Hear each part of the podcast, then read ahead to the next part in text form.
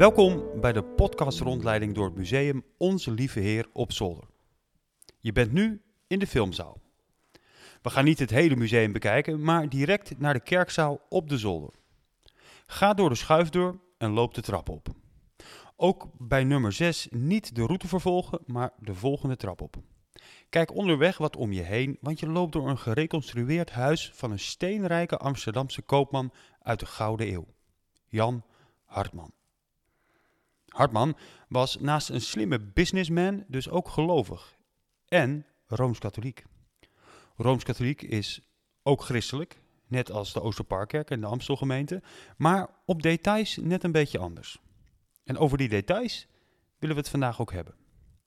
Hartman vond het geloof dus zo belangrijk dat hij twee etages van zijn huis liet verbouwen tot een heuse kerk. En zelfs liet hij de priester van de kerk, zeg maar de dominee, in zijn huis wonen. We komen straks nog langs zijn kamer. Als je aangekomen bent in de kerkzaal, zoek dan een plekje op een van de stoelen en luister verder. Je kunt goed zien dat we hier in een verbouwd huis zitten en niet in een oorspronkelijke kerk. Je ziet de balken van de twee verdiepingen hierboven nog zitten. Toen Hartman in 1661 besloot zijn huis te verbouwen, werd simpelweg het midden van twee verdiepingen weggezaagd. De stalen latten houden de boel al ruim 350 jaar op zijn plek. Hier kwamen de katholieke gelovigen dus jarenlang bij elkaar op zondag. Verborgen voor de buitenwereld, maar toch een echte kerk. Tegelijk is ook duidelijk te zien dat dit een rooms-katholieke kerk is en niet een gereformeerde. Wat valt jou op als je het vergelijkt met onze eigen kerken? De versieringen misschien en kunstwerken. Een gereformeerde kerk is vaak wat kaler en soberder. Of misschien dat er geen preekstoel is, maar juist een altaar in het midden. Dat is inderdaad een typisch verschil. In een rooms-katholieke kerk is het altaar, waarop het avondmaal wordt gevierd, het allerbelangrijkste. Er is dan ook elke dienst avondmaal en het is het hoogtepunt van de dienst. Er is trouwens wel een preek, maar die is een stuk korter. En die preekstoel is hier ook wel, maar die is uitklapbaar, omdat het zo'n krappe ruimte is. Links voor in de kerk is een filmpje die dat laat zien. Maar kijk eerst nog even naar de schilderingen boven het altaar. Er is veel te zien in een katholieke kerk en ook in deze. Weet je wat je ziet? Eerst valt het kruis op met daaraan Christus. Dat is voor een rooms-katholiek net zo belangrijk als voor een gereformeerde. Daarachter zie je een muurschildering met daarop de doop van Jezus afgebeeld. Dat is een verhaal uit de Bijbel, dat lezen we in Matthäus 3. Zodra Jezus gedoopt was en uit het water omhoog kwam, opende de hemel zich voor hem en zag hij hoe de geest van God als een duif op hem neerdaalde. Uit de hemel klonk een stem: Dit is mijn geliefde zoon, in hem vind ik vreugde. In het midden zie je Johannes de Doper staan, die Jezus met de rode mantel doopt. En daarboven zie je die duif neerdalen uit de hemel. De duif staat voor de Heilige Geest. En daarboven zie je de hemel geopend, met God de Vader als een man met een baard omringd door zijn engelen. Ga nou niet denken dat God er echt zo uitziet, want God heeft geen lichaam. Het is geen man en hij is ook niet wit. Als gereformeerde zou ik God ook liever niet zo afbeelden, zoals katholieken dat wel doen. Want God afbeelden, dat mag niet. Tweede gebod, denk aan vorig jaar. En het kan ook eigenlijk niet. Maar het is wel een mooi geheel zo, dat God niet alleen met woorden in de preek, maar ook met beelden laat zien. En waarom nou juist deze geschiedenis over de doop van Jezus? Ik denk om de drie eenheid te laten zien. dat God, Vader, Zoon en Geest is. Die zie je als het ware in één beeld gevangen. Dat is de God die door christenen wordt aanbeden. En als je nog verder omhoog kijkt, zie je het nog een keer. Een sculptuur van God de Vader en daarboven ook weer een duif als symbool van de Heilige Geest. Het is tijd om verder te lopen. Rechts achter in de kerkzaal is een trap omhoog naar de galerij. Ga bovenaan linksaf langs het orgel en loop dan al luisterend langs deze schilderijen. Deze schilderijen zijn gemaakt voor deze kerk door Adriaan van der Velde in dezelfde tijd als de kerk is gebouwd. Ze zijn bedoeld om stil te staan bij het lijden van Christus, zoals christenen dat elk jaar voor Pasen doen. Sta er ook eens bij stil. Jezus, die leed voor jou. Het eerste schilderij links is het begin van de bespotting en geesteling van Jezus. Je ziet rechtsonder de geestel liggen. Links zie je de paarse koningsmantel klaar liggen. En het bloed druipt al van Jezus' benen. Let ook op hoe Jezus' blik naar de hemel is gericht. De tweede schilderij is de kruisafneming. Dat is een stuk verder in het verhaal. Jezus is gestorven en zijn geliefden zorgen voor zijn lichaam. Rechts zie je zijn moeder Maria, herkenbaar aan het blauw. Ze is intens verdrietig.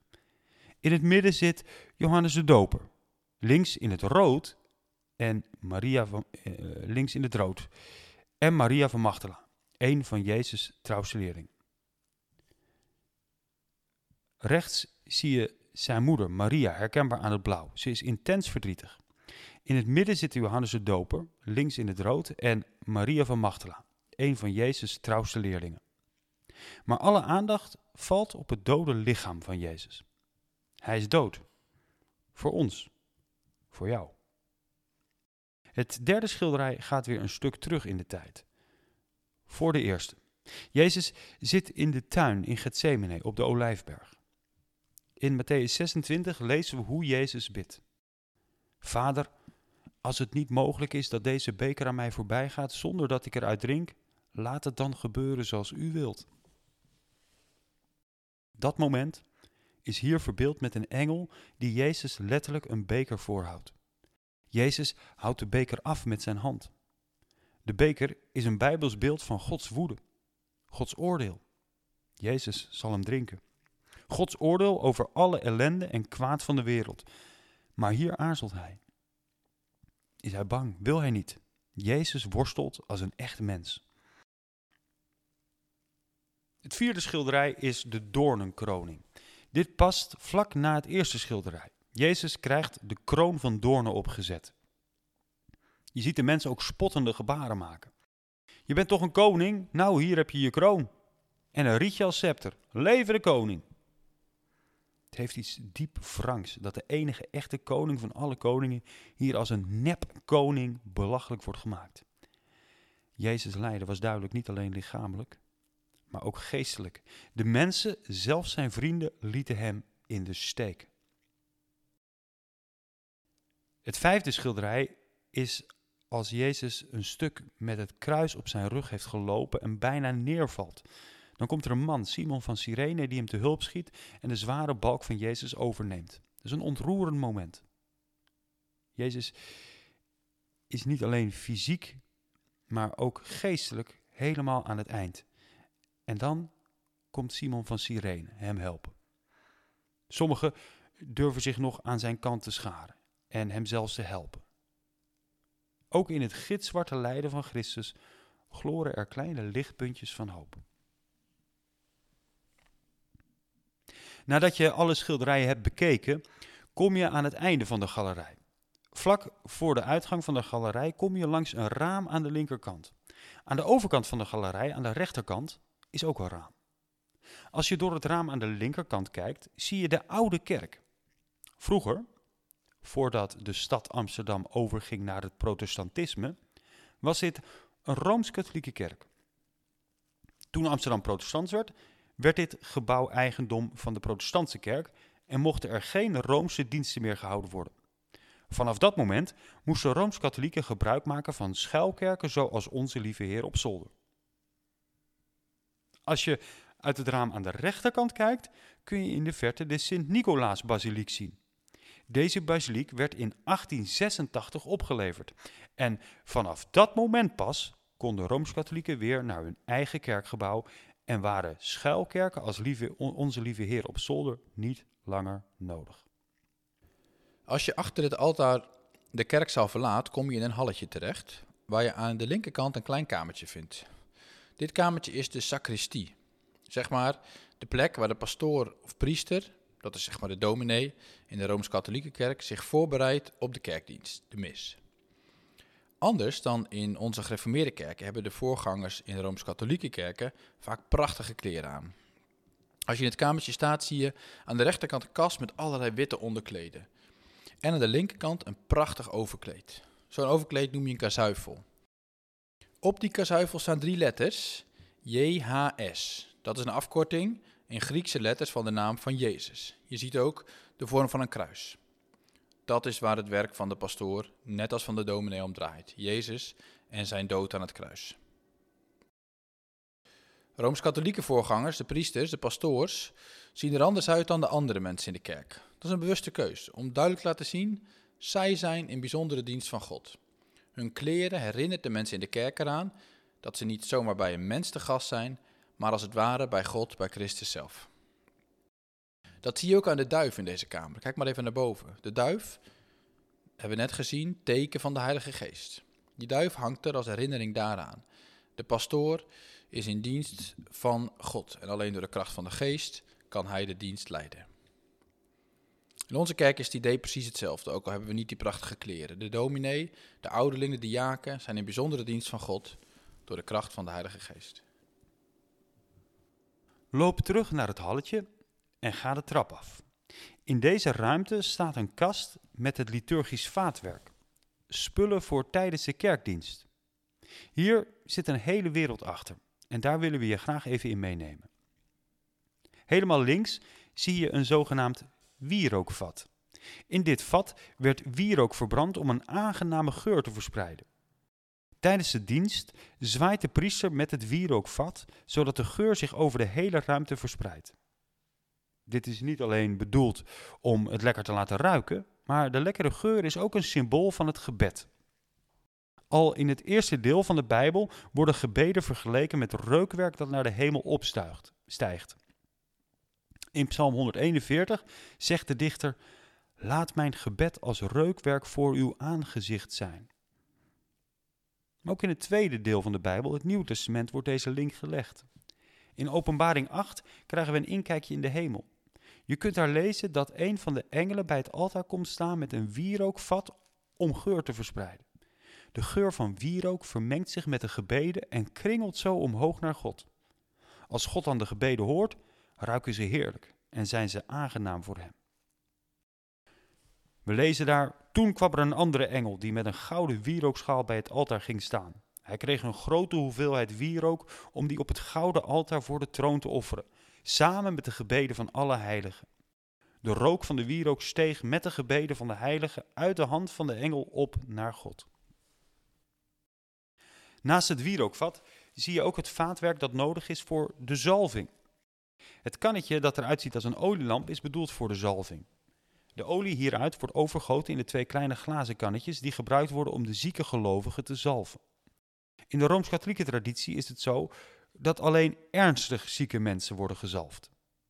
Als er dus een priester komt om je te zalven, dan lijkt het er vaak op dat je niet lang meer te leven hebt.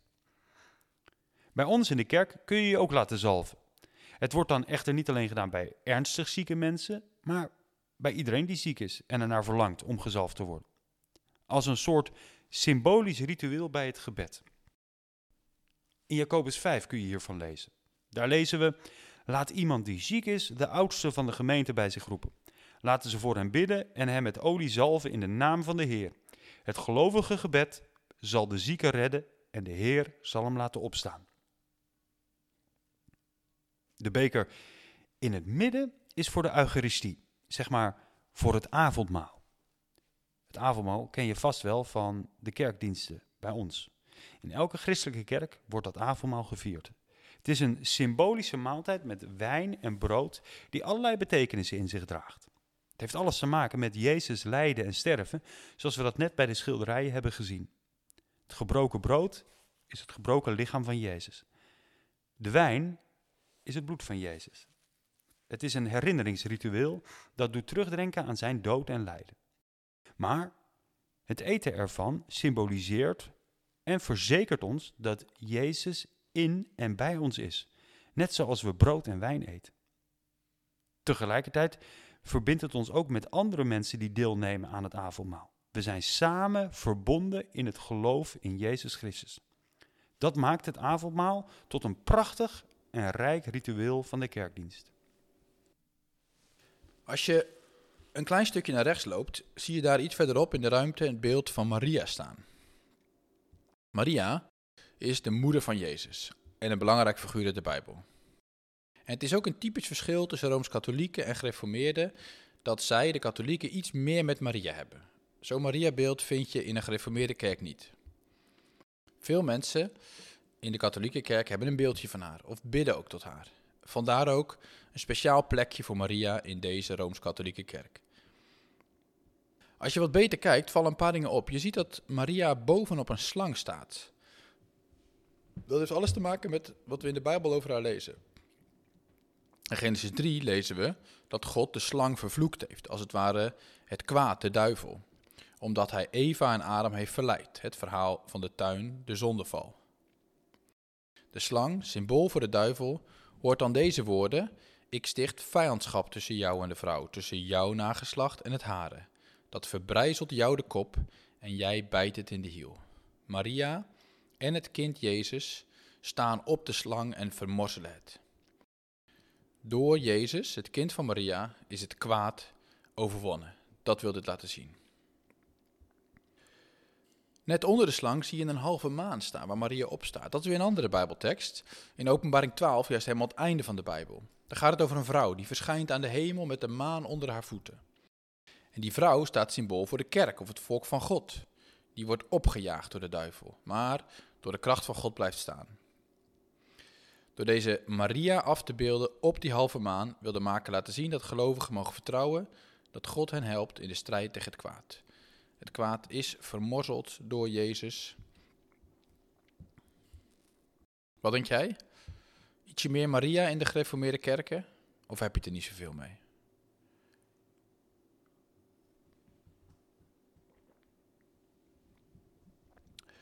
We gaan nog verdieping lager. Als je iets weer teruggaat, vind je nog een trap die weer naar beneden leidt. Als je beneden komt, zie je daar twee bijzondere objecten. Allereerst, naast het raam, de twee hokjes die naast elkaar staan. Dat is een biechtstoel. Als je op vakantie in een kerk bent, zie je ze ook wel eens staan. Die houten, kleine houten huisjes langs de rand van de kerk. In het ene hokje kan de pastoor, de dominee zeg maar, gaan zitten. En in het andere hokje kan iemand uit de kerk gaan zitten. En tussen zit een luikje waardoor ze met elkaar kunnen praten zonder dat ze elkaar zien.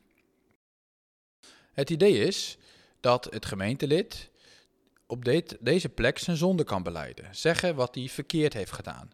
En als hij dat gezegd heeft en er spijt van heeft, dan mag de priester, de dominee, hem namens God vergeven. De zonde die hij heeft beleden is er dan als het ware niet meer. En dat ze elkaar niet kunnen zien, dat helpt ervoor dat het anoniem kan. Hè? Ze kunnen elkaar anoniem hun fouten opbiechten. Naast het biechthok staat de doopvond. Dat is de schaal met water die gebruikt wordt om kinderen of volwassenen te dopen. Jullie zijn ook allemaal gedoopt als kleine kinderen. Jullie horen bij de kerk. En hier, net als in veel oude kerken, staat de doopvond bij de ingang van de kerk. De mensen kwamen hier de trap op en kwamen dan iedere keer langs het doopvond. Als een herinnering, iedere keer, aan hun doop. Jij bent ook gedoopt, jij mag ook bij God horen. Maar ook als herinnering dat je pas bij de kerk hoort als je gedoopt bent. Zo dus ook in deze kerk. Als je ietsje verderop gaat in uh, dit kamertje, zie je daar nog een beeld. We hadden net Maria en nu nog een beeld van een man met een baard. En misschien dacht je wel direct, hé, hey, dit lijkt wel Sinterklaas. Nou, dat klopt. Dit is Sinterklaas, of beter gezegd, Sint-Nicolaas. Dat kun je zien aan die drie appels in zijn hand. Die gaan over een oud verhaal over Sinterklaas, waarin Sint-Nicolaas, zoals hij eigenlijk heet, een arme edelman te hulp schoot. Deze edelman had drie dochters die alleen konden trouwen als ze een bruidschat meebrachten.